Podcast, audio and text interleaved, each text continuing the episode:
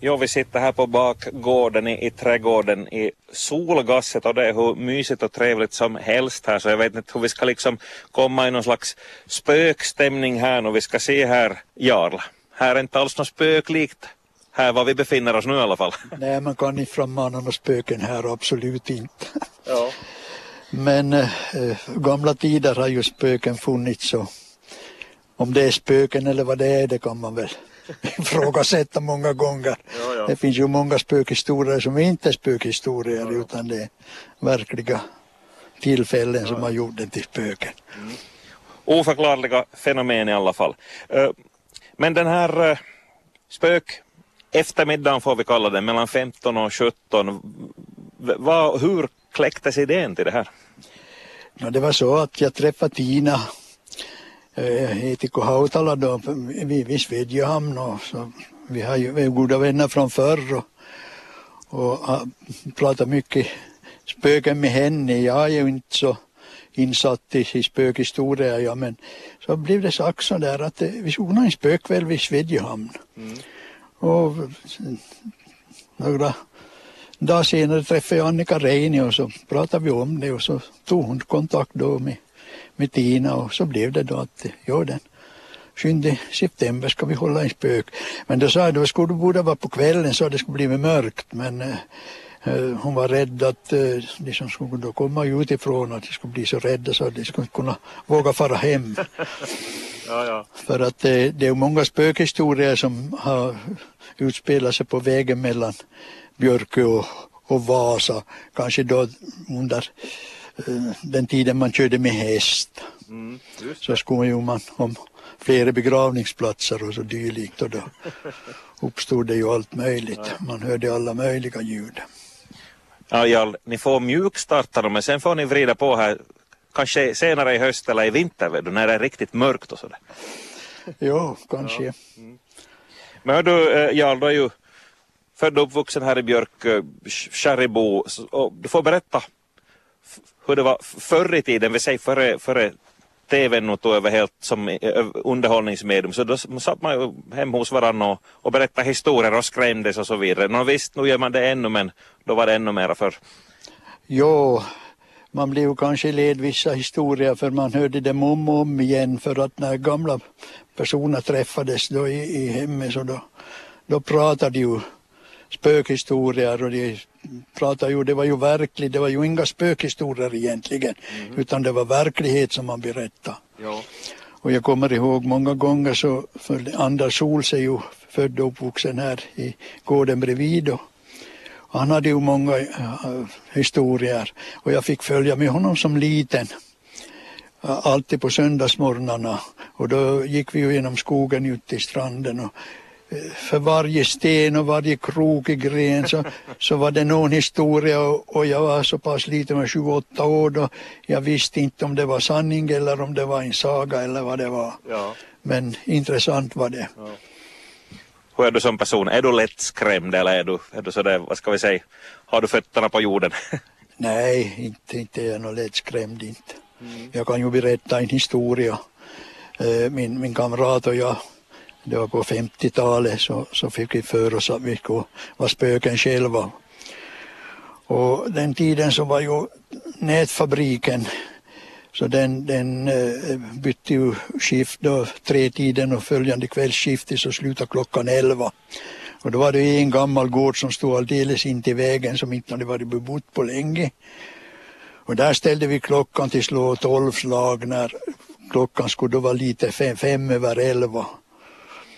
Och, och det var en av de här arbetarna då på, på fabriken, nätfabriken som hade fåren just i fähuset och hon vågade inte gå till fåren för att då slog klockan tolv precis när, hon, när de kom där förbi så att det var många av de här fabriksarbetarna som påstod att det, det var då det, det gamla som var där i gården. Ja, det.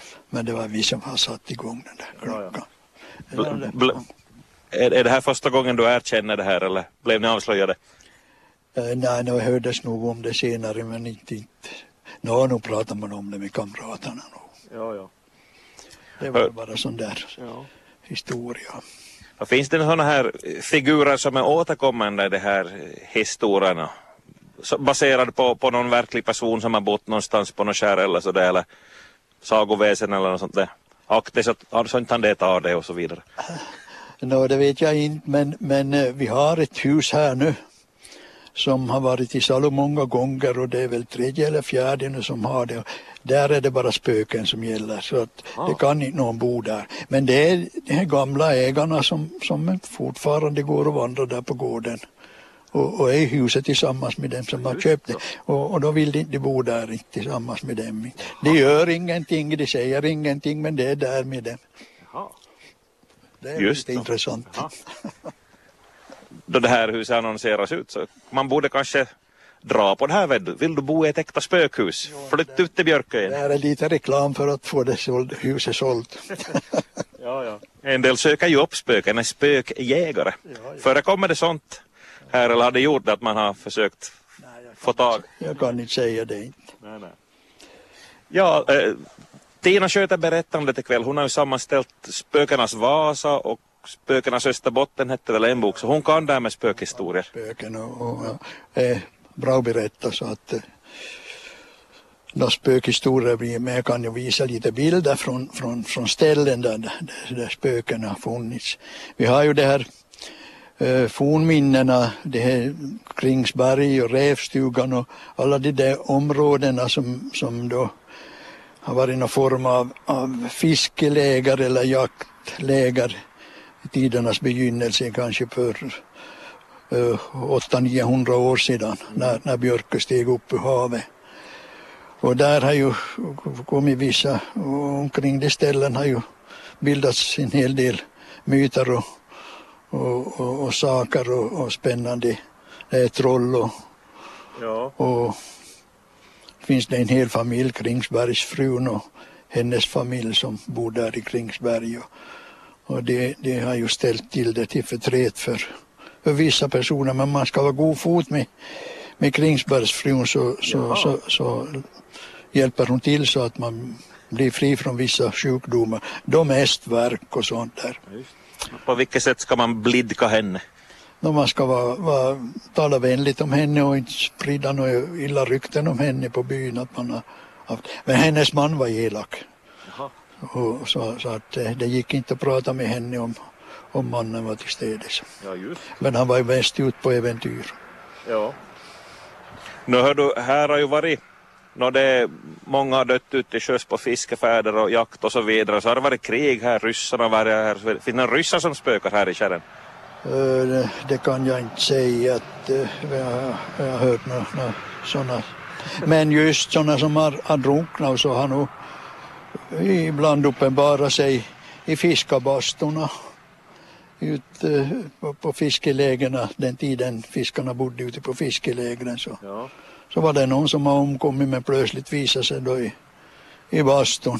Eller man har hört ljudet ja. kanske. Nu är det nu då i, i moderna tider. När du pratar om det här huset här där det ännu spökar, men hur mycket finns det kvar av de här spökena eller vad det nu är? Nej, jag har inte hört om någon som, som har träffat några spöken här nu på, Ja. på långa tider. Det var nog före TVns och radions tid som spökena existerade mera. Man hörde mera ljud då. Ja. Kanske det har kommit till ro, får vi hoppas. Ja.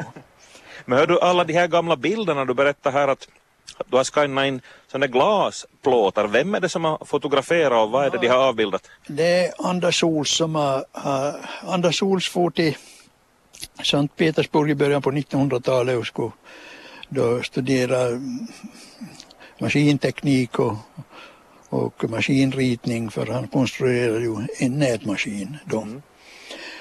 Och då köpte han en, en kamera i Sankt Petersburg och, och fotogra- fotograferade.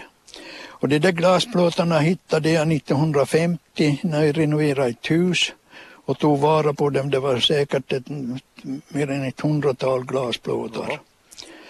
Men det fördes då till en, till en gård där de inte visste vad det var. Och så tog de de där glasplåtarna och, och stjälpte ut dem i en sandgrop. Så där är de begravda och, och sönder. Men jag hittade i alla fall ett 20-30-tal, Mm. tror det var, kanske var det 24 stycken, som är en sån där gamla genuina björkebilder som, som jag då Ja, har, har skannat in. just det. Och vad, vad, är det han vad finns på de här bilderna? Nå, det finns lite från fiske, det finns uh, några personporträtt och, och, och så vidare. Och så finns det också från hans gamla maskiner. Ja, när han konstruerade de första nätmaskinerna. Ja. Den som då var på, på mässan i, i, i Kuopio var det 1904 om jag inte minns fel. Ja. No, det, är ju, det är ju värdefulla ur historiskt hänseende, de här bilderna. Jag har en skillserie om Anders Ols och hans livsverk. Ja. No, det, hur, hur kombinerar du då de här bilderna och, och Tinas berättande? Kommer hon att berätta om något som just finns på den här bilden, något hus eller är det mer så det... Nå, det har jag inte pratat med vilka saker hon tar fram, men vi får se. Jag har ju... Vi, vi kan konstruera spöken också om det finns. Vid behov, bra. Hördu, du sa, du sa Jarl Nystrand att det här kom ganska så det hastigt och spontant på så ni har kanske inte hunnit marknadsföra så mycket men vi, har du hört något här på förhand att, att jo vi kommer nog vi? Nå, jo, det har ringt utifrån och frågat om jag ska komma och berätta om spöken så jag har nog sagt att nej, men det här är nog något missförstånd för jag, jag kan inte många spökhistorier men så, så har det gått ut i alla fall. Man har väl skickat på, på Ja, ja. Facebook och dylikt och berättat för varandra. Ja, vem vet, det kan ju bli vet du, om ni har ordet fritt där så kan det komma hur mycket berättelser som helst. Jo, jag, jag kan ju säga att jag har lite förvarningar om att eh, det kanske blir lite stopp med, med trafiken över bron i- ikväll. Just. För att eh, man vet ju vad som händer när man far från ett sånt här ställe. Men vi har, vi har garderat oss att det kommer en extra färgtur däremellan. Ja just det, om, om bron skulle försvinna plötsligt. Ja. Spökena tar den. Hördu Jarl Nystrand, vi ska runda av men ja platsen den tog det vara lätt att hitta, Salteriet helt enkelt. Salteriet så långt vägen går. Och klockan 15 börjar det, 17 ska det sluta men vem vet hur länge ni sitter och, och berättar. Och det kan komma. Jag har ju sagt att det, de får komma och berätta spökhistorier de som, de som kan. Så blir det intressantare. Nå, om ni tar det lite mjukt här som du sa vid början, om ni börjar så här mjukt så jag tror nog det blir efterfrågan på fler, fler tillfällen här under mörka höstkvällar och då får ni, då får ni berätta det väst, värsta ni har. Då kanske man får se dem då.